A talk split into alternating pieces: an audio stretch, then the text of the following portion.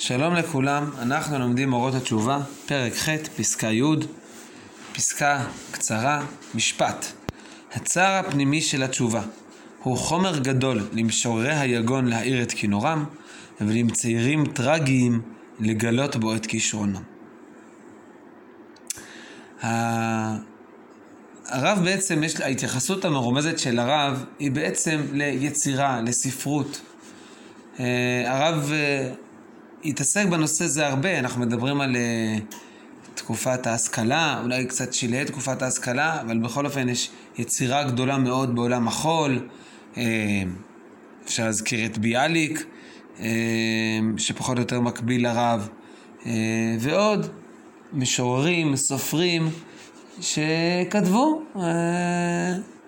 כתבו לפי כישרונם, כל אחד ועניינו, אבל אה, הרוב המוחלט של הספרות והשירה לא היה ספרות ושירה של קודש אה,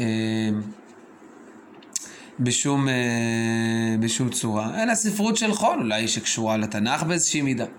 והרב בכמה וכמה מקומות מזכיר את הכמיהה שלו, את הציפייה שלו לספרות של קודש. יש לו ביטוי מפורסם שעוד יקום לנו אה, משורר התשובה. קום יקום לנו משורר התשובה, זה הפסקה אחת לפני האחרונה בספר אור התשובה, פרק, י"ז, פסקה ה'. אמ, וגם, וכאן הרב מתייחס לנקודה מסוימת בתשובה, לנקודה של הצער הפנימי של התשובה. והוא אומר שזה, אפשר הרבה לכתוב על זה שירה. אה, משוררי היגון יכולים להאיר את כינורם, כן, זה ככה זה מטאפורה שהכינור, אה, ממנגינתו הנוגה, אה, יכול יותר יפה את הצער הפנימי של התשובה, וגם אה, ממילא לכתוב שירים בהתאם, וגם למציירים, מציירים טרגיים, אני לא הכוונה ציור, אני חושב, הכוונה היא אה, אה, תיאור, אה, דמיון, הכוונה אני חושב ספרות, לגלות בו את כישרונם. אדם יכול אה, לבטא את הכישרון הספרותי שלו.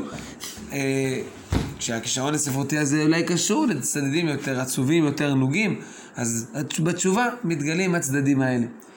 אמ, אולי זה מתקשר לנקודה קצת אחרת, שידוע ב... ידוע בחסות השאלה מה ההבדל בין עצבות, עצבות ובין לב נשבר. לב נשבר ונדכה אלוהים לא תבזה, אומר דוד המלך, לב נשבר זה דבר ראוי, ואילו עצבות היא פסולה מכל וכול בעולם החסידי.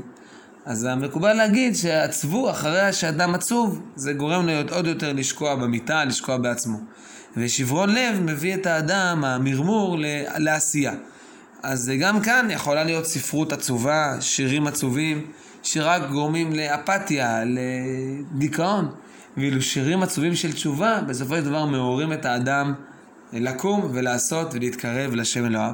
ברוך השם, בדור האחרון, בשנים האחרונות זכינו לבעלי תשובה, שככה, אה, באמת ככה מממשים מממשים בחייהם וביצירתם את המשפט הזה של הרב, וזה ככה, חיכינו לזה כבר הרבה מאוד זמן, אה, נגיד עשרות שנים ויותר, וברוך השם שאנחנו זוכים לראות את ההתחלה של זה מול עינינו.